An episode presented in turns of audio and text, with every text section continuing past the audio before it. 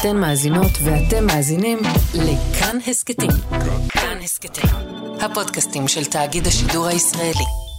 על המעטפות שאתם שולחים, כתוב מאחורה, בזכותך, יש לנו כבישים וזה, זה חד משמעי. כל אתה פעם יודע זה- שרשות המיסים, אפרופו, לרשות המיסים יש טיק טוק כאילו שבו... מישהו קורא את זה ואומר, רגע, לרשות המיסים, בזכותי. לרשות המיסים יש טיק טוק שבו אני אפילו אומר את זה, ואכן, הנה אנחנו רואים פה את הכביש הנפלא הזאת, זה קורה בגלל שמיסים מאפשרים את זה, ודבר נוסף, כן. לא יודע אם אתה יודע, אבל לרשות המיסים גם יש פודקאסט. פודמאס קוראים לו, ובפודמאס הרשותי דרך אגב, אנחנו מנגישים ללקוח סוגיות מס משמעותיות שיהיה לו יותר קל להיות בעולם המיסים, כך אנחנו גם מנסים להנגיש לו את הידע, כי יש הרבה פעמים פערי מידע, ולעשות את זה בכלים שנמצאים היום, כמו שאנחנו כרגע מנהלים את השיח באותו אופן כרגע. היי, אתם ואתן על חיות כיס, אני שאול אמסטרדמסקי. כבר הרבה מאוד זמן רציתי לראיין לחיות כיס את ערן יעקב. אז אני רן יעקב, מנהל רשות המיסים, אה, מזה כבר אה, חמש שנים אפשר להגיד. רציתי לשאול אותו את השאלה הבאה. אני בעוונותיי שכיר ועצמאי. אה, עצמאי קטן אבל עובר את המחזור הזה אני לא יכול להיות זהיר. אז אני מסתבך עם כל ה... נאלץ להסתבך ואני עקרונית לא מוכן לשלם למישהו רק על הזכות לשלם מיסים למדינת ישראל. זה נראה לי שערורייה, באמת. אז אני מנסה לעשות את זה עם עצמי כל שנה, בסדר? סבבה. אני בפעם האחרונה שנאלצתי לנסוע פיזית בשביל להגיש משהו שכבר הגשתי מקוון ואמרו לי ש... ויש לי אישור קליטה ואין לכם. למרות שבסוף אני בתחושה שלי אתם סתם שמים את זה באיזה מגרע ומי מסתכל על זה בכלל. בפעם האחרונה פתאום נפל לי האסימון. אף אחד מכם לא עצמאי, גם באגף תקציבים לא. אף אחד, כולם שכירים. אף אחד לא חווה על בשרו את הזוועה הזאת. עכשיו, אני אומר לך ברצינות, כל פעם שאני שם, השירות שאני מקבל מבני האדם, עובדי רשות המיסים, הוא מדהים. הם מדהימים. הם נחמדים, הם שירותיים, הם מסבירים לי, נשבע לך באמא שלי לא מצאתי הרבה שירותים ממשלתיים כאלה. הפן הטכנולוגי, עולם שלישי. ויש לי, רגע, יש לי רפרנס. הביטוח הלאומי. הביטוח הלאומי, גם כן, תסלח לי, גוף שכולם אוהבים, גם הוא גובה ממני כסף ומשלם לי, וואלה, אני לא יודע איפה הסניף שלו, לא נסעתי שם בחיים. הכל מקוון, הכל טפסים. באימא שלך, למה זה לא יכול להיות ככה? למה אנחנו תקועים שם בשנות ה-80? אוף, איזו שאלה ארוכה זו הייתה, אסור אף פעם לשאול שאלות כל כך ארוכות. קודם כל, אמא שלי באמת אה, מעל גיל 80, אני יכול לשאול אותה, אבל כן אני יכול להגיד לך ש... א', אני מבין לחלוטין את מה שאתה אומר. ואני חושב שבחלק ממה שאתה אומר זה גם נכון. ויש לנו מה להשתפר, נקודה. ראש רשות המיסים הוא לא סתם עוד פקיד, הוא אחראי על הגוף שמכניס לקופת הממשלה את רוב הכסף שלה. בלי הכסף הזה, אין שירותים ציבוריים, אין חינוך, אין בריאות, אין צה"ל, אין ביטחון לאומי, אין כלום. ראש רשות המיסים אחראי לוודא שהעסק הזה מתקתק, ולהצליח להביא לממשלה כמה שיותר מיסים. בשנת 2023, האתגר הוא לעשות את זה חכם, יעיל ומאוד מאוד טכנולוגי. ובמדינה שבה המחשב של מס הכנסה לא באמת מדבר עם המחשב של ביטוח לאומי, זו לא המשימה הכי קלה בעולם. אז השבוע בחיות כיס, עד כמה מנהל רשות המיסים ערן יעקב הצליח להפוך את רשות המיסים לגוף טכנולוגי שמותאם לשנת 2023, את מי רשות המיסים תופסת בתור הלקוחות העיקריים שלה, ומה מבחינתה המלחמה הכי גדולה שלה. ערן יעקב עומד לפרוש מתפקיד מנהל רשות המיסים אחרי שעבד בה יותר מ-30 שנה. הוא התחיל ברשות בתור סטודנט, הוא עבד בשדה התעופה ביחידה שעקבה אחרי אנשים שניסו להבריח כל מיני דברים. משם התקדם לכל מיני תפקידים, ברבות הימים הפך לסמנכ"ל רשות המיסים שאחראי על תכנון, אסטרטגיה ומדיניות, שזה תפקיד עם הרבה מאוד עוצמה, ואז יצא מהרשות לתקופה קצרה להיות הממונה על השכר במשרד האוצר, ואז במרץ 2018 הוא מונה למנהל רשות המיסים בידי שר האוצר דאז, משה כחלון. בימים אלה הוא מסיים קדנציה של חמש שנים ואמור לפרוש בקרוב. נכון, מתי? אפילו התמנתה, כבר נקבעה ועדת איתור, אני בתוך uh, תקופת הערכה, אני כבר סיימתי למעשה את החמש שנים. רוצים לדעת איך מתפלגת עוגת ההכנסות ממיסים של הממשלה? כלומר, כל המאות מיליארדים שנכנסים, מאיפה הם מגיעים? אז כך. שליש מהעוגה הזאת, שזה נתח מאוד גדול, מגיע ממע"מ, שזה המס הזה שאתם משלמים על כל דבר שאתם קונים. עוד שליש, בערך, מגיע ממס הכנסה על יחידים, כלומר, המס שאנחנו משלמים, העובדות והעובדים, בסוף כל חודש.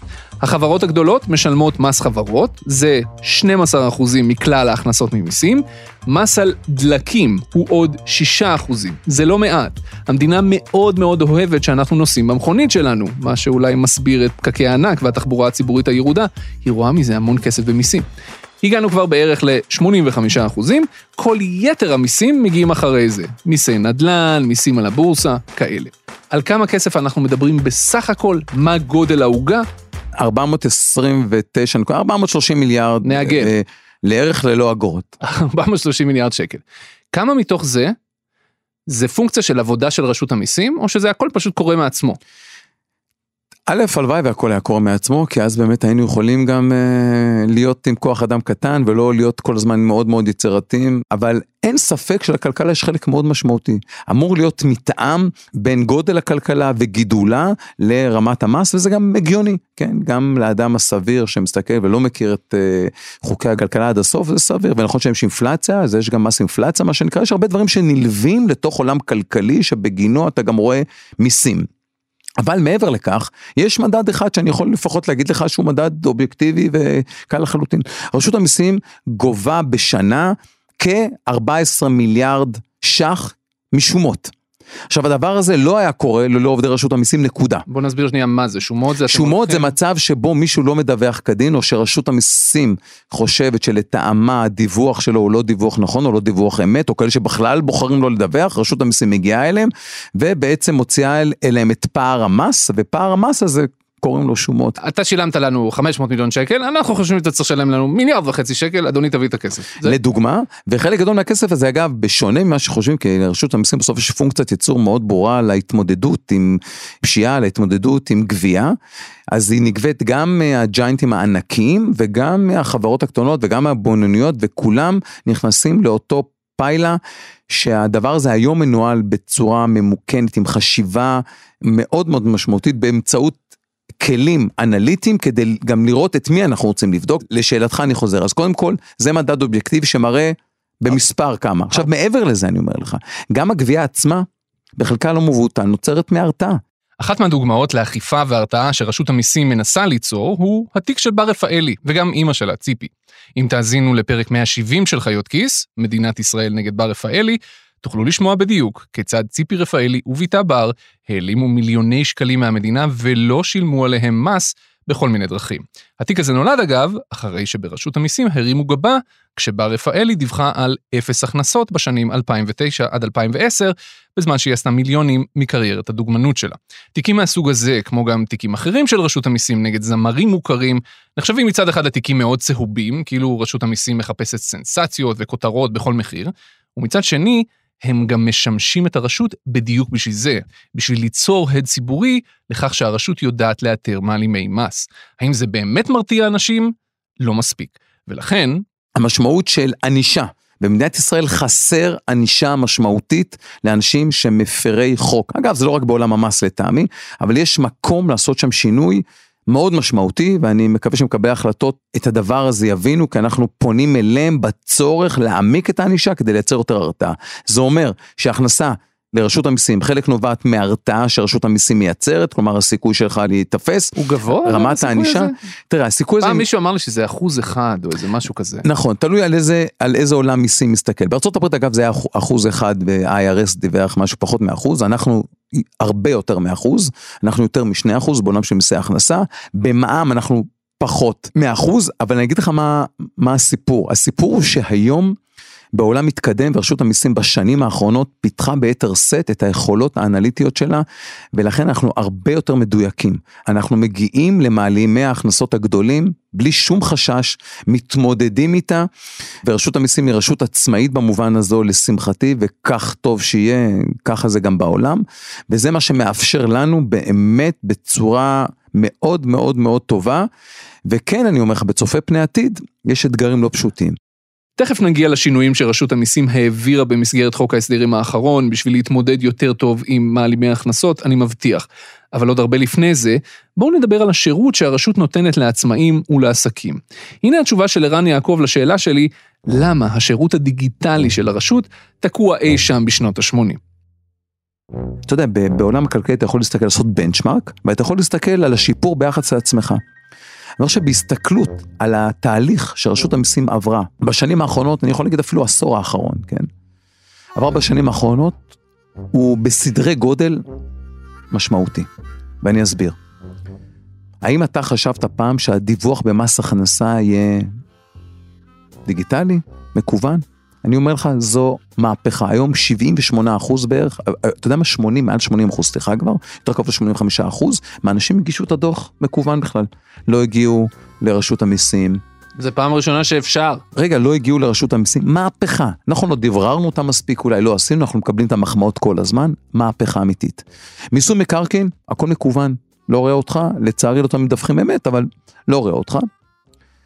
מכס, הכל מקוון. פפרלס לחלוטין, אין מגע יד אדם, רק מה שמצויח לבדיקות מתוך תפיסת סיכון וניהול סיכון, ככה גם במערכים האחרים. מע"מ, גם הוא, מקוון, אתה נכנס ומגיש, כותב, ואנחנו עכשיו עוד משפרים את זה בצורה משמעותית. אתה רוצה להתממשק איתנו? דרך האזור האישי. ואנחנו כל הזמן משתפרים. אתה יודע שברשות המיסים עד לפני כמה שנים בכלל לא היה call center מסודר.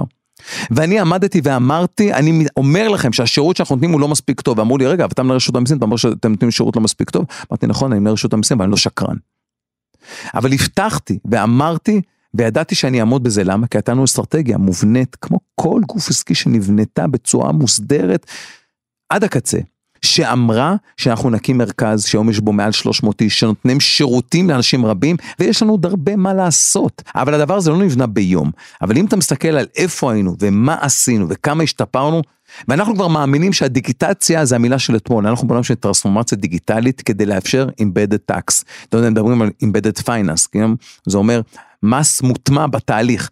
מה זה אומר מס מוטמע? אנחנו רוצים שאתה בתוך התהליך שלך, החשבונאי שאתה, לא משנה באיזה תוכנה אתה מתעסק מה שאתה עושה, יהיה שקוף לך ותהליך המס ייעשה מעצמו כן. באופן מוטמע, שאני מדבר בעיקר כרגע על המע"מ, על המקדמות למס הכנסה, הכל יכול ואין סיבה שלא. אבל כדי להגיע לשם אנחנו אחד, צריכים לייצר תהליך ושינוי תפיסה, וברשות המסים יש כבר מספר שנים של שינוי תפיסה מאוד משמעותי לתהליך הזה, והוא מוטבע, אמרתי לך באסטרטגיה פעם רביעית אולי, אבל חשוב להבין את זה, והיא גם משוקפת, היא לא מוחבאת, היא נמצאת. והדבר הזה גורם לדברים לקרות. זה גורם דרך האזור האישי שהיום יש לך ואתה מקבל שירותים שכל הזמן גדלים, אתה תשים לב היום. החיובים שיש לך מרשות המיסים נמצאים באזור האישי שלך. רגע, רגע, לא, לא, רגע, אני רגע. חייב לעצור אותך עם האזור האישי כי אין משהו שאני שונא יותר מהאזור האישי של רשות המיסים. אני אפילו לא יכול לדעת כמה אני חייב לכם. ולא יכול לשלם דרך זה. אז קודם מה כל, זה? לא, לא, לא, לא, אז הדברים כל הזמן משתנים בצורה משמעותית, גם בתוך האזור האישי, אתה יכול להגיע לדיווחי מע"מ שלך, אתה יכול להגיע לאזורי התשלום שלך, ואתה יודע מה, באזור התשלום אני מסכים איתך שעד לא מזמן גם אותי זה קומם, כי אנחנו בסוף גוף גובה. תגידו לי. ואם מישהו רוצה לשלם, שיוכל 5,000 לשלם. שקל, לוחץ על כפתור, מה הסיפור? אז גם הדבר הזה עבר שינוי מאוד משמעותי, וגם אנחנו לפעמים צריכים לחנך את האנשים בצד השני שהשירותים שלנו הם מקוונים, בנקודה הזאת הייתי חייב לבדוק. לא יכולתי לעשות את זה תוך כדי ראיון, אז עשיתי את זה תוך כדי כתיבת הפרק הזה. נכנסתי לאזור האישי שלי ברשות המיסים ובדקתי, האם השתנה שם משהו לאחרונה או שזה עדיין דבר קצת משונה. אז אם אתם עצמאים ויש לכם תיק ברשות המיסים, הנה מה שתמצאו באזור האישי באתר של הרשות. יש שם כל מיני מכתבים שהרשות שולחת לכם, משום מה המכתב האחרון שאני קיבלתי הוא מדצמבר, למרות שמאז הרשות שלחה לי מכתבים. חוץ מזה, הצלחתי לגלות שמסיבה שאני לא מצליח להבין, תיק המע"מ שלי נמצא בירושלים, אבל תיק מס ההכנסה שלי משוייך לרמלה, ומאיזושהי סיבה בתיק מס ההכנסה אני בפלוס, כלומר שילמתי לרשות המיסים יותר ממה שהייתי חייב לה, אבל בתיק המע"מ אני במינוס, אני חייב לה איזה 250 שקלים. ואני לא אוהב להיות חייב כסף למדינה, אז חיפשתי באזור האישי את המקום שבו אני יכול לשלם ישירות, כי ערן יעקב אמר שיש אפשרות כזאת, והתשובה היא שאין. או לפחות אני לא מצאתי. מצאתי כן מקום אחד שבו יש רשימה של מקומות שדרכם אני יכול לשלם כסף לרשות המיסים, אז לחצתי על אחד מהם וקיוויתי שהוא יפתח לי מסך עם תשלום, אבל זה הוציא אותי החוצה למערכת אחרת. שאז זה אומר שאני צריך להתחיל להזדהות מחדש ולהיכנס למערכת שוב, ורק שם אני אוכל לשלם. אז לא, האזור האישי עדיין לא נותן לי את מה שהייתי מצפה שהוא ייתן. עכשיו, בחזרה לערן יעקב. ואני אומר לך, תסתכל ביחס לאיפה שהיינו, למה שאנחנו היום, שונים לאין ארוך. האם יש לנו עדיין מה לעשות? ודאי, כי בתפיסתנו אנחנו צריכים להיות במקום שהמס מוטמע בתוך התהליכים עצמם, וקורים מעצמם, כן? כמו שאמרתי כרגע. עכשיו תשאלתי, רגע, אבל איפה, איפה זה קורה, מה זה קורה? וזה קורה. זה קורה לדוגמה, שאם היום אתה רוצה, נגיד, לעשות תיאום מס, ופה עשינו ROI מטורף, כי יש חצי מיליון איש שעושים תיאומי מס. דיברת על אותם האנשים שאין להם, כן, אותם לקוחות שלנו. והם היו צריכים לבוא ולשבת מול הפקיד, ואוף. אני זוכר, עשיתי פה בירושלים. היום, אתה נכנס לדבר הקטן הזה, לא רואים אותי פה כולם, אבל אני מחזיק את האייפון שלי, ב, לא אייפון, במכשיר הסלולרי, לא משנה איזה. ודרך המכשיר הקטן הזה מקבל את השירותים. אני רוצה להגיד לך עוד משהו. בעולם של כלכלה דיג, דיגיטלית שמפחית את ה friction, מפחית את החיכוך, ויצר עולם חדש, שבו הציבור היום יודע שחלק גדול מהשירותים שהוא רוצה לקבל אותם בלחיצת כפתור. וואלה, הוא צודק. ומי שצריך להשתנות זה אנחנו. כי הוא, זה מה שהוא מבקש. ולכן יש לנו פער להדביק, ואנחנו מדביקים אותו. הפחתת החיכוך מול רשות המיסים הדבר הזה בסוף יביא, מעבר לשירותיות היותר טובה, גם בסוף זה יביא לדיווח יותר טוב. כי חלק מהיעדר דיווח הרבה פעמים יכול לנבוע מזה שאתה אומר, וואלה תראה זה כזה מסובך עכשיו לפתוח, עזוב אותי. אני נגיד מורה פרטי, אני אומר רגע רגע רגע, אני מורה בבית ספר, אני צריך למורה פרטי, עכשיו אני אומר רגע אני הולך לפתוח תיק, עכשיו מס הכנסה ישגעו אותי וזה. למה עשינו את התהליך הזה שמאה, של 120 אלף שקל עוסק זעיר? כי מחר בבוקר הוא לא יוכל להגיד את זה. כי הוא יפתח תיק מהר מאוד, והוא יוכל לשלם בצורה פשוטה ובשביל זה אנחנו, אנחנו גם מאמינים שזה גם יגביר את רמת הציות. מה שיעקב אמר כאן הרגע עם ה-120 אלף, זה שינוי מאוד גדול שרשות המיסים הצליחה להעביר בחוק ההסדרים האחרון בכנסת, השינוי הזה ייכנס לתוקף בינואר. והוא אומר ככה, אם אתם עצמאים עם עסק קטן, נגיד מורים למוזיקה, או שליחים בוולט, או יועצי תוכן למשפיעני רשת, זה רק אתם ועצמכם בעסק, והעסק מכניס לכם עד 120 אלף שקלים בשנה. אם זה המצב, אז מינואר רשות המיסים תפתור אתכם מהרבה מאוד כאב ראש. קודם כל, בשביל לפתוח תיק ברשות המיסים, אתם תוכלו לעשות את זה באינטרנט, לא תצטרכו לנסוע לשום לשכה בשום מקום, שזה, תאמינו לי, שיחוק. דבר שני, והנה החידוש, לא תצטרכו להראות לרשות המיסים את החשבוניות שלכם כל חודש, וגם לא כל חודשיים. כשאתם נהיים עצמאים, אתם מגלים שהעולם נהיה מין משחק אחד גדול של לשמור חשבוניות. כל שקל שאתם מוצאים על חנייה, או דלק, או תחבורה ציבורית, או ספרות מקצועית, או תשלום חשמל, או מחשב שקניתם, מה שזה לא יהיה, אתם מתחילים לשמור את החשבוניות. וגם לנסות להבין, רגע, אשל אפשר או אסור? להסתפר, זה בפנים או בחוץ? לקנות בגדים, זה מותר או לא? למה? כי לפחות חלק מההוצאות הן הוצאות שמוכרות על ידי רשות המיסים בתור הוצאות שאתם מוציאים בשביל לייצר לעצמכם הכנסות. ולכן קוראים להם הוצאות מוכרות, כי הרשות מכירה בהן. ככל שתאספו יותר חשבוניות של הוצאות כאלה, כך תוכלו בסוף החודש או בסוף השנה לשלם פחות מיסים. רק שכל התהליך הזה זה המון כאב ראש. להבין מה בדיוק זו הוצאה מוכרת, כן תספורת, לא תספורת, להזמין אוכל למשרד, כן, לא, וגם לשמור את כל החשבוניות האלה ולקטלג אותן ולהכניס לתוכנה של הניהול חשבונות, וכל חודש וחודש לדווח הכל לרשות המיסים, כאב ראש בירוקרטי משעמם בצורה קיצונית. באמת, אין משהו משעמם מזה. ולכן, רוב העצמאים משלמים לרואות חשבון שיעשו את זה עבורן. והתשלום הזה הוא לא מעט כסף, זה כמה אלפי שקלים בשנה, תלוי בהיקף השירות. ומעכשיו, לא יהיה יותר. עסקים עם הכנסות של עד 120 אלף שקלים יהיו פטורים מכל העניין הזה כמעט לחלוטין. ולטענת ערן יעקב, יש 400 אלף עצמאים בישראל שזה המצב שלהם, שההכנסות שלהם הן עד 120 אלף שקלים בשנה. נניח כל השליחים של וולט פחות או יותר, או אנשים שיכולים להיות שכירים במקום אחד, במשרה מלאה או חלקית, זה לא חשוב, ולהשלים הכנסה בתור עצמאים בשעות הפנאי שלהם. 400 אלף עצמאים עד מחזור של 120 אלף בשנה, זה חתיכת וואו. אלה רוב העצמאים בישראל. ולכן מה שעכשיו בתהליך שקרה בחוק ההסדרים הזה שבעיניי זה שינוי בעיניי מהגדולים ביותר שרשות המיסים עשתה במבט ללקוח, כן?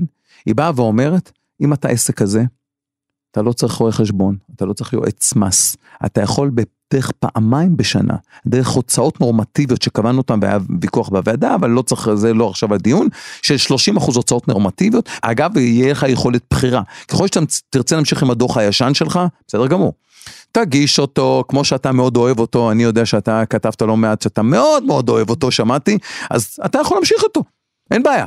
אבל אם אתה לא מאוד רוצה לעשות כל התהליך הזה ולחסוך אולי עד, אגב, אפרופו יוקר מחיה, זה חוסך לא מעט כסף, היום למלא דוחות ולהגיש את הדוחות, עד 3,000 שקל לעסקים הקטנים האלה, לא יודע, יותר, פחות.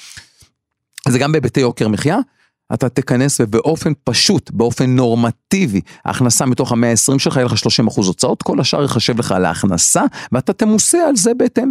אוטומטי, זאת אומרת, אני לא צריך להגיש חשבוניות, לא כלום, חבר'ה, זה המחזור הוצאה שלי, נורמטיבי תורידו 30, 30%, זה לא ימנע לך. ברור, אתה צריך לנהל ספרים וכאלה, אבל, אבל המשמעות של הדיווח ואופן הדיווח וצורת הדיווח זו מהפכה אמיתית. שאלו אותי, גם רואי החשבון, בעלי המקצוע, ובצדק. הם אומרים, והם הביאו בפנינו לא מעט abuse שיכול להיות דרך הדבר הזה, אנשים יעשו ככה ויעשו וירשמו את עצמם ויעשו. צודקים, בחלק מהמקרים. אבל כמו שאמרתי לך, אנחנו בתפיסתנו מנהלים סיכון. מנהלים סיכון כמו שאנחנו עושים אותו בעולם האכיפה, כך אנחנו עושים אותו בעולם האזרח. ולנהל סיכון זה לדעת שיוכל להיות גם הדבר הזה, ואנחנו לוקחים את זה בחשבון. ועשינו סעיפים אנטי תכנוניים בתוך החוק כדי למנוע את הדברים האלה. אבל עדיין אני בטוח שיהיו כאלה שמתחכמים, ואנחנו נהיה שם כדי לעצור אותם, ויהיה לנו יותר קל לעצור אותם. אבל אנחנו בראש ובראשונה עושים את המהלך הזה בשביל אותם עסקים שיהיה להם יותר קל לחסוך להם עלויות, לאפשר להם בצורה יותר טובה לעסוק, להתעסק בהסכם ופחות להתעסק באיך ממלאים את הדוח ומה עושים ולהביא את החשבוניות. ואני חושב שזה בשורה אמיתית, אני מקווה שבאמת גם האזרחים ישתפו פעולה, ידווחו כחוק והדבר הזה יאפשר לכולנו ליהנות מתהליך שאני חושב שהוא באמת לא פחות משינוי עצום. הבנתם? עצמאים מהסוג הזה, מחודש ינואר, יפגשו את רשות המיסים, וגם זה באופן דיגיטלי, רק פעמיים בשנה. למשל, הם יגידו לרשות, ההכנסה שלי השנה היא 100 אלף שקלים, מה שאומר שההוצאות שלי הן 30 אחוז, 30 אלף שקלים, כלומר שהרווח הוא 70 אלף שקלים, ואז פשוט לשלם מס הכנסה על הרווח הזה, בלי חשבוניות ובלי שטויות. הם עדיין יצטרכו לשמור את החשבוניות האלה באיזה קלסר, כי אולי יום אחד רשות המיסים תבוא לעשות ביקורת בעסק שלהם. אולי. אבל להתעסק עם זה בשוטף? לא צריך. כמה שאלות. בוא נדבר על שכירים, כי בסוף אה, זה... אבל לפני השכירים, עוד מה שדיברת, לדוגמה, תהליך פרואקטיבי שעשינו, דיברת על המעטפות, אנחנו שלחנו 150 אלף מעטפות, צבענו אותם בירוק, שהאזרח לא יפחד מרשות המיסים, ואמרנו לו, תקשיב, יקירי, כנראה מגיע לך כסף, בוא קח אותו. בנגלה הבאה כנראה, אנחנו נמלא את הנתונים בעצמנו. זה מה שרציתי לשאול. אה, ברור, אז הנה, אני עונה לפני הרי- ששאלת. בשביל מה אתם שואלים אותי? אתם יודעים. אז אנחנו, אז אנחנו, לא, לא, תכניס תעודת זהות ונגמר העסק. רגע, רגע, לא את הכל, ויש עם זה, כל רגע, שנה אני אז ממלא רגע, טופס לא את 101 הכל, כמו רגע, רגע, אהבל פה. אנחנו לא יודעים כי יש דברים שאנחנו צריכים את הסכמתך וידיעתך, כי אני לא תמיד יודע אם יש לך עוד 200 עיסוקים אחרים. אתה יודע, אני לא תמיד אני יודע. ממלא 101 אני בכל מקום. לא, אני יודע את מה שיש לי, אתה אולי, יש רבים שעוסקים מאוד בדברים אחרים והם יודעים כמו במענק עבודה. במעגל הבא שבו אנחנו נשלח מעטפות באופן פרואקטיבי לציבור ונגיד לו תקשיב, יש סיכוי גדול שמגיע לך כסף, אנחנו גם נמלא עבורו, אתה רק צריך לאשר את הפרטים, לחתום, סע. אפרופו כלכלה התנהגותית וכו', שיש המון השלכות לדבר הזה ואנחנו משקיעים הרבה, הקמנו גם יחידה לכלכלה התנהגותית על מנת לדעת איך לטפל בצורה מאוד טובה בהתייחסות שלנו אל מול האזרח ולמצות ולעשות את זה בצורה הכי טובה. אז הנה, זו שאלה מעניינת. שלחתם 150 אלף אה, מעטפות ירוקות. זה באמת הדליק אותי. שלחתם 150 אלף מעטפות ירוקות. אתה יודע מה שיעור המיצוי של זה? חזרו אלינו הרבה, באלפים, זה לא הכל, באלפים, זה כי... לא המון. אני, רגע, רגע, אז אני לא יודע ספציפית כמה אחוזים היום, אבל אני יכול להגיד לך שבאלפים רבים חזרו ואנשים קיבלו, אבל, אבל אני חושב שתראה, השיח כרגע הוא איפה אנחנו פורצים את התקרות זכוכית למען הציבור. ואני חושב שבעניין הזה אנחנו כל פעם באמת, אני חושב שעושים מהלכים כדי להיות יותר ויותר פרואקטיביים ולאפשר ולעשות שימוש במידע שיש לנו, וגם במידע שנמצא בחוץ. ערן יעקב באמת ובתמים היה רוצה לקחת את רשות המיסים למקום טכנולוגי יותר. אני מכיר אותו לא מעט שנים והוא מדבר על זה גם בעקביות וגם בלהט. מה שכן, רצון זה לא תמיד מספיק. רשות המיסים היא גוף כבד, יש לה מערכות מחשב גדולות, כבדות, מאוד מאוד ישנות, כמו בבנקים רק על ספידים, או אנטי ספידים, כשחושבים על זה. פשוט כי זו המדינה. ההתייעלות והמעבר למערכות טכנולוגיות חדשות הוא איטי ויקר ומסובך. ודבר שני, והוא קשור לדבר הראשון, ברשות המיסים יש הרבה ועדי עובדים. ברשות למשל פועל גוף טכנולוגי משלה שנקרא שע"ם, שירותי עיבוד ממוכנים, שיש לו ועד עובדים חזק משל עצמו. הסכם עבודה חדש שנחתם שם לפני שנתיים, קבע שהרשות תוכל להעסיק מפתחים חיצוניים לראשונה, ושעובדים לראשונה יזוזו בין מערכות טכנולוגיות בהתאם לצרכים. עכשיו, זה נשמע טריוויאלי, אני יודע, אבל המציאות והשירות הציבורי לא תמיד עובדים באותו מישור. בכל אופן, ערן יעקב חושב שהסכם השכר הזה יוכל להקפיץ את רשות המיסים קדימה מבחינה טכנולוגית תוך כמה שנים. ועדיין, גם כשהרשות כבר תהיה גוף טכנולוגי מתקדם, חוד החנית, מה שזה לא יהיה, אתם עדיין תצטרכו לנסוע פיזית למשרדים של מע"מ, אם אתם רוצים לפתוח תיק שלא באמצעות רואה חשבון. אם המחזור שלכם הוא יותר מ-120 אלף שקלים בשנה, והסיבה היא לא טכנולוגית, היא אחרת. כשאתה פותח תיק במע"מ היום, זה משול לקבלת פנקס צ'קים. ולכן, לכן, אנחנו מבחינתנו מרגישים מחויבות, כן, מחויבות לכך ציבורית. מה, לראות אותי? תחשב, בצ... בבנק יש הכרת הלקוח, ניסית לפתוח פעם חשבון בנק? זה לוקח שבע דקות בטלפון. חשבון בנק, שבע דקות בטלפון. כן. בוא, בוא, בוא נשאל את אלה שחצי שנה לא מצליחים לפתוח חשבון בנק. זה לוקח שבע דקות בטלפון. כי אתה כבר נמצא ויש לך חשבונות בנק ואתה מוכר, אבל בעולם של היעדר היסטוריה, של, שיש תהליך מובנה של הכרת הלקוח, כי אבל אתה... אתה יודע מי, אני, רגע, רגע. תעודת זהות שלי, אתה אז יודע הכל. אז פה, רגע, אז פה אני מסביר שלא, אני לא יודע, כשאתה בא לפתוח אצלי תיק, אני לא יודע לך כלום. אתה מספר לי סיפור. אתה אומר לי, שלום, אני שאול, ואני הולך להיות שיפוצניק, ואני הולך להוציא חשבונות פיקטיביות. אה, לא, זה אתה לא אומר, סליחה. אתה אומר, שלום, אני שאול, עושה את זה מחדש. אני שאול, ואני הולך להיות שיפוצניק, ואני רוצה לעשות שיפוצים במיליונים. אני אומר לך, איך מיליונים? אתה יודע לשפץ? אתה לא יודע לשפץ? איפה, שיפצת פעם אחרונה? יש לך איזשהו תעודה? אה, לא בדיוק, אה, או... בשיח כזה אתה יכול להבין בכלל שאותו אדם בכלל לא מתכוון לשפץ, הוא מתכוון למחר בבוקר להפיץ חשבוניות. כי המשמעות של לפתוח תיק במע"מ זה יכול יכולת הפצה משמעותית שזה זה צ'ק פתוח. ולכן לכן אני אומר לך ברמה ציבורית עכשיו לא מקשר להיותי מנהל רשות המיסים או, או מייצג גוף אכיפתי גבייתי מאוד משמעותי כאזרח במדינה הזאת. נכון שיעשו הבדיקות. האם הבדיקות יכולות לעשות יותר דיגיטליות יותר זה? מסכים, אבל כדי לעשות את זה צריכים גם לאפשר לנו כלים שאפשרים לנו בכלים דיגיטליים גם לעצור לך בצורה מאוד ברורה את היכולת לפתוח תיק ולפעמים זה קם על אף חופש העיסוק, אה, חוק יסוד אה, משמעותי. אני חושב שבדבר הזה אנחנו פועלים במשורה, במהירות רבה, לדעתי מהמהירים ביותר, לפחות לפי מה שאומר ב-doing business, מהמהירים ביותר שיש גם בהשוואה בינלאומית. וכן, אנחנו מנסים לאזן בין הצורך שלנו לגרום לכך שלא יהיה abuse בעולם של כסף ציבורי, ועדיין אני חושב שזה נעשה במהירות ובצורה מאוד קלה, וכמו שאמרתי לך קודם, אין שאלה שאנחנו צריכים להמשיך ולעשות תהליכים כדי להנגיש את זה בצורה יותר טובה ולהפוך שזה יותר פשוט. אגב, אם אתה עושה את זה באמצעות מייצג, שדיברת עליו קודם, אתה לא צריך להגיע לרשות המיסים, זה- זה אין לך שום חיכוך עם רשות המיסים, אתה עושה את זה דרך המחשב, בכלום זמן. זה החלק שמרגיז אותי. אתה הולך... ומרבית האנשים עושים את זה בדרך הזו, כן? זה אומר שמרבית האנשים פותחים תיק בכלום זמן. זה בדיוק מה שמרגיז אותי. מה שערן יעקב אמר שם על החשבוניות הפיקטיביות, זה חתיכת סיפור בפני עצמו. בואו נפרק את זה שנייה. קודם כל, מה זה בכלל חשבוניות פיקטיביות? בשביל להסביר, אני צריך חבר. אז אני אתקשר שנייה לחבר הכי טוב שלי.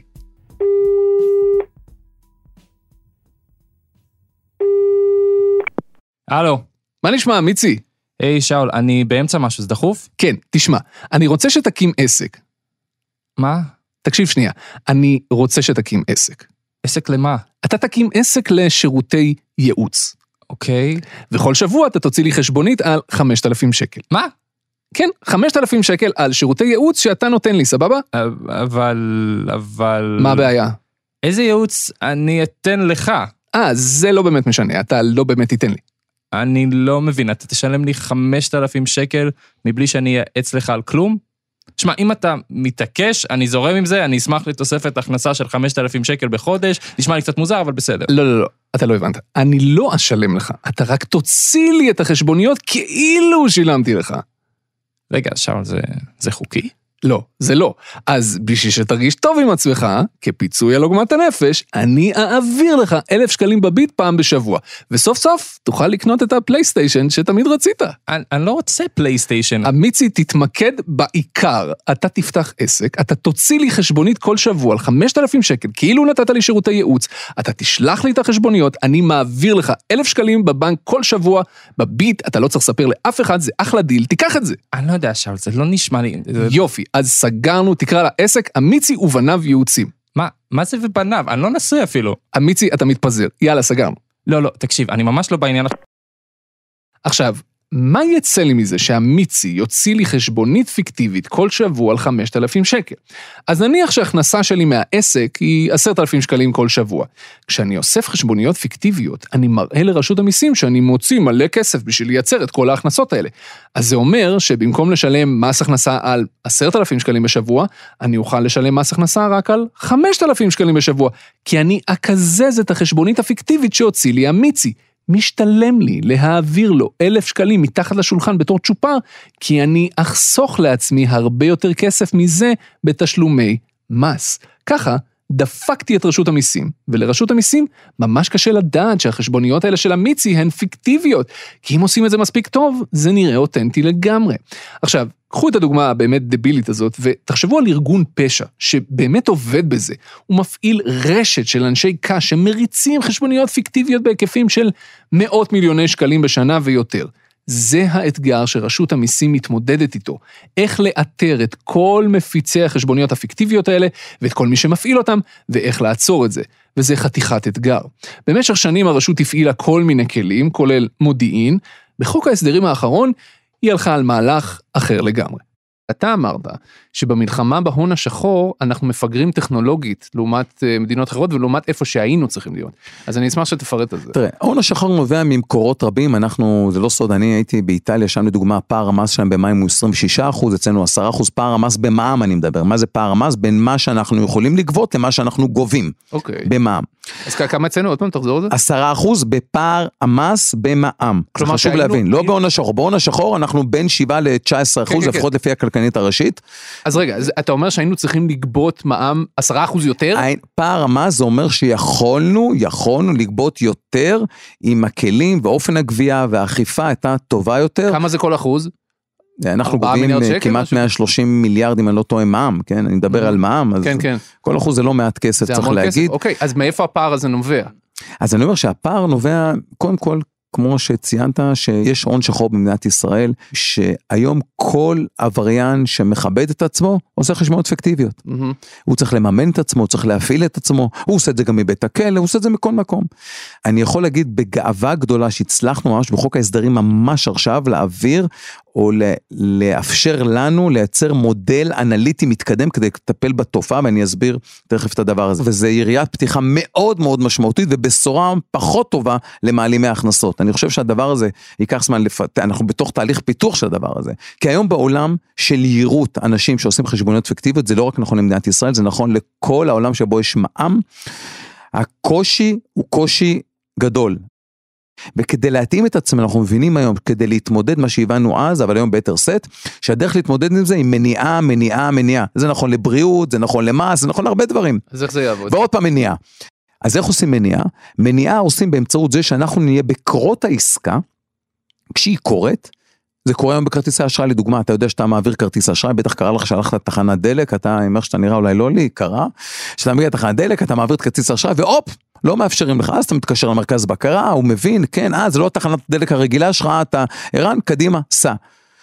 קרה לך אולי שגם הגעת לחו"ל, רצית לשלם חשבון ב- למלון, והופ, קפץ, אמרו לך, רגע, התקשרת לבנק, אה, זה אני, שאול, המסגרת, לא מסגרת, סידרו לך, סע. קורה. אותו דבר, המודל מבוסס על כך שאנחנו נהיה בכל עסקה, במילי סקנד, נבדוק באמצעות כלים מתקדמים שיש היום.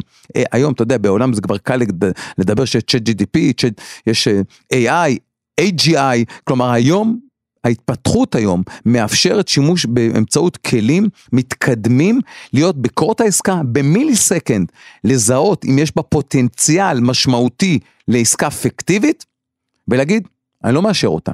או לחליפין אני מאשר אותה, אתה יכול להמשיך את עיסוקיך, אבל דע לך, דע לך, אנחנו לא מתחייבים לקזז את החשבונית הזו.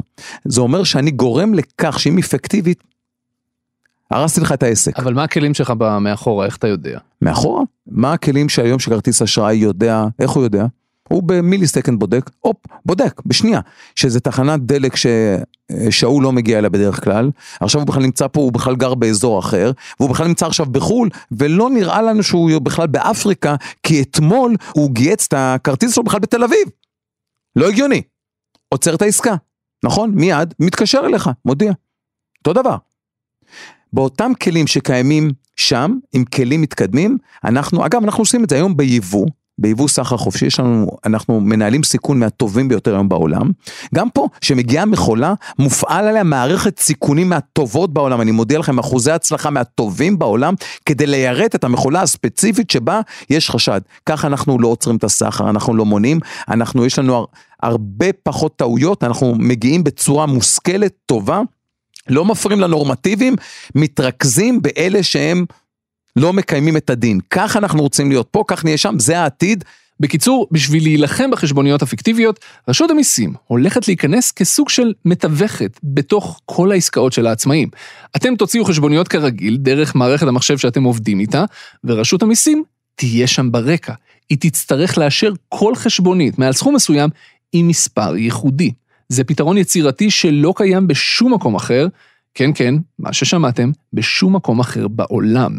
משהו שאמור להיות דומה לאיך שעובדות חברות כרטיסי האשראי. זאת השאיפה של ערן יעקב בכל מקרה. בהתחלה, בשנה הראשונה, זה יהיה פיילוט, בחשבוניות של יותר מ-25 אלף שקלים בלבד. ואם הפיילוט הזה יצליח, אז בתוך כמה שנים ספורות, על כל חשבונית של יותר מ-5,000 שקל, תצטרכו לקבל אישור מרשות המיסים. האם יש פה פוטנציאל לתקלות? האם אנחנו יכולים לדמיין מצב שבו עסקים מושבתים כי משהו פשוט לא עובד מבחינה טכנולוגית? בהחלט כן. האם גם ערן יעקב מסוגל לדמיין מציאות כזו שבה הכל משתבש? בהחלט, בהחלט כן. לי, כמנהל רשות המיסים, רועד הפופיק על המהלך הזה. זהו, זה מה שרציתי לשאול. חד משמעית, חד פוטנציאל משמעית. התקלות פה, הוא- חד משמעית. תוך שנייה כתבות בעיתונים, לא, כל רגע, העצמאים, רגע, לא, אז אני- הכל תקול, לא אז אני עובד, אנחנו לא מודיע מצליחים לך, להוציא חשבוניות. רועד לי הפופיק. נו. אבל כך היה גם, ואני הייתי בה, שאישרנו אותה, לא הייתי אז, אפילו לא הייתי סמנכ"ל, שאישרנו את החשבוניות שעובדות היום, את מודל החשבוניות שעובד היום, הדיווח המקוון, גם אז היה בדיוק אותו דבר. עם אותם פחדים, עם אותם טענות, אותו דבר.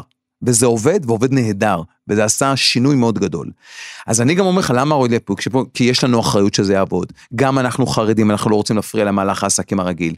אבל כשאני מאזן בין בעיית ההון השחור, לוחסן חשבוניות פיקטיביות במדינת ישראל, לבין הצורך לטפל בהם בצורה אינטליגנטית, חכמה, ייחודית, צריך להגיד במקרה הזה, אבל כזו שיכולה להיות בקרות העסקה ולגרום למדינת ישראל להיות מקום יותר טוב לאזרחיה, לאפשר, לא, כי בסוף שיש חשבוניות פיקטיביות, תקשיב, זה פוגע בתחרותיות, זה פוגע בשוויון. הטיעון כאילו זה רק רשות המיסים, לא. נכון שזה גם ישפר את הגבייה, אבל זה יביא תחרותיות יותר טובה, כי העסק לידי, שלא עושה, משלם כדין, אז יש לו יתרון עליי. למה? אז זה תחרותיות, זה שוויון, זה עניין של תרבות, זה הרבה ערכים נוספים שנצמדים לדבר הזה. ולכן יש חשיבות עצומה, ונכון, יש בדבר הזה סיכון. ואנחנו מנהלים סיכון גם דרך המודל, וגם אנחנו מבינים שהדבר הזה יכול מאוד להיות שיהיו, אתה יודע, תומס- תומאס אדיסון נכשל כמה? עשרת אלפים פעם? לא קרא לזה אף פעם כישלון, נכון? כל פעם הוא התקדם, איך קוראים לזאת שהוציא את הארי פוטר, כמה פעמים? 12 פעמים לא ממש קיבלו אותה, ויש עוד רבים אחרים. אז בסופו של יום יש פה תופעה בלתי רצויה, שפוגעת ואוכלת את הכלכלה הישראלית, ולא רק את הכלכלה הישראלית, ואני חושב שלפעמים צריך כלים יצירתיים וצריך לבוא באומץ רב, אנחנו באים עם אומץ מאוד גדול, ולכנסת גם היה, אני חייב להגיד את האומץ כדי לאשר את זה, ולשר האוצר שתמך בנו מהרגע הראשון, אני חייב להגיד את זה, כי זה של, יש לנו, הייתה לנו תמיכה, כדי להביא ולגרום למהלך הזה לקרות. בקיצור, שיהיה לכולנו בהצלחה.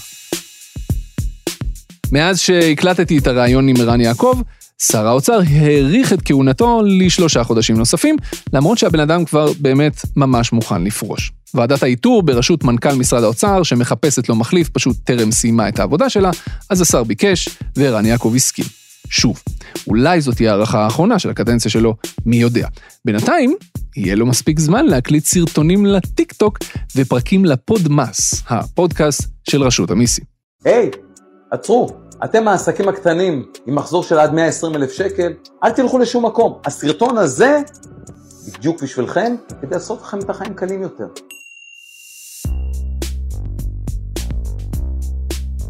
אתה הולך לפרוש בקרוב, אתה יודע מה, מה אתה הולך לעשות? לא, אין לי מושג, אני עובד כל יום כאילו זה היום הראשון שלי, אני אוהב את הגוף הזה בצורה אינסופית. אני רואה, אתה מאוד נלהב לגבי מיסים, אני אף פעם לא אני, פגשתי מישהו אני, שכל כך כי אני, נלהב. אני. אני מרגיש מחוברות למדינה הזאת, ל, באמת, אני, אני חושב שאני בעל זכות שאפשרו לי לעשות את התפקיד הזה. אז תהיה לך שנה צינון, ווטאבר, ואז אני יוצא מנקודת הנחה שאתה תהפוך לעצמאי, כמו רבים מקודמיך, אה, בתפקיד הזה ובתפקידי סמנכ"לים שבדרך כלל הולכים לייצא כל מיני חברות, או לא משנה, מה, לא נכנס לך לכיס, תעשה מה שאתה רוצה. אני רגע, יש לי רק בקשה אחת, שתהפוך לעצמאי. ותצטרך לפתוח תיק, אנא, תרים לי צלצול, אני רוצה ללכת איתך, רק כצופה. ללכת איתך לרשות המיסים ולראות איך אתה נהנה מהתהליך הזה. א', תדע שאנחנו, ש...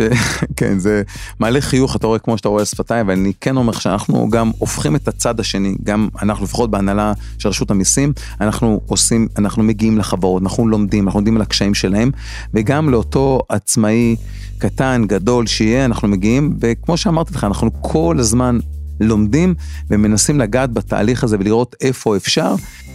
ערן יעקב, תודה רבה. תודה גם לך. אתם האזנתם לחיות כיס, הפודקאסט הכלכלי של כאן. העורך שלנו הוא תומר מיכלזון, עורכת הסאונד שלנו היא רחל רפאלי, המפיקה המושלמת שלנו היא ליהי צדוק. במערכת חיות כיס תמצאו גם את צליל אברהם, אלונה מיצי וענת קורול גורדון. המתמחים שלנו הם איתי ניקסון ועמית בהר, אני שאול אמסטרדמסקי, תודה רבה שהאזנתם.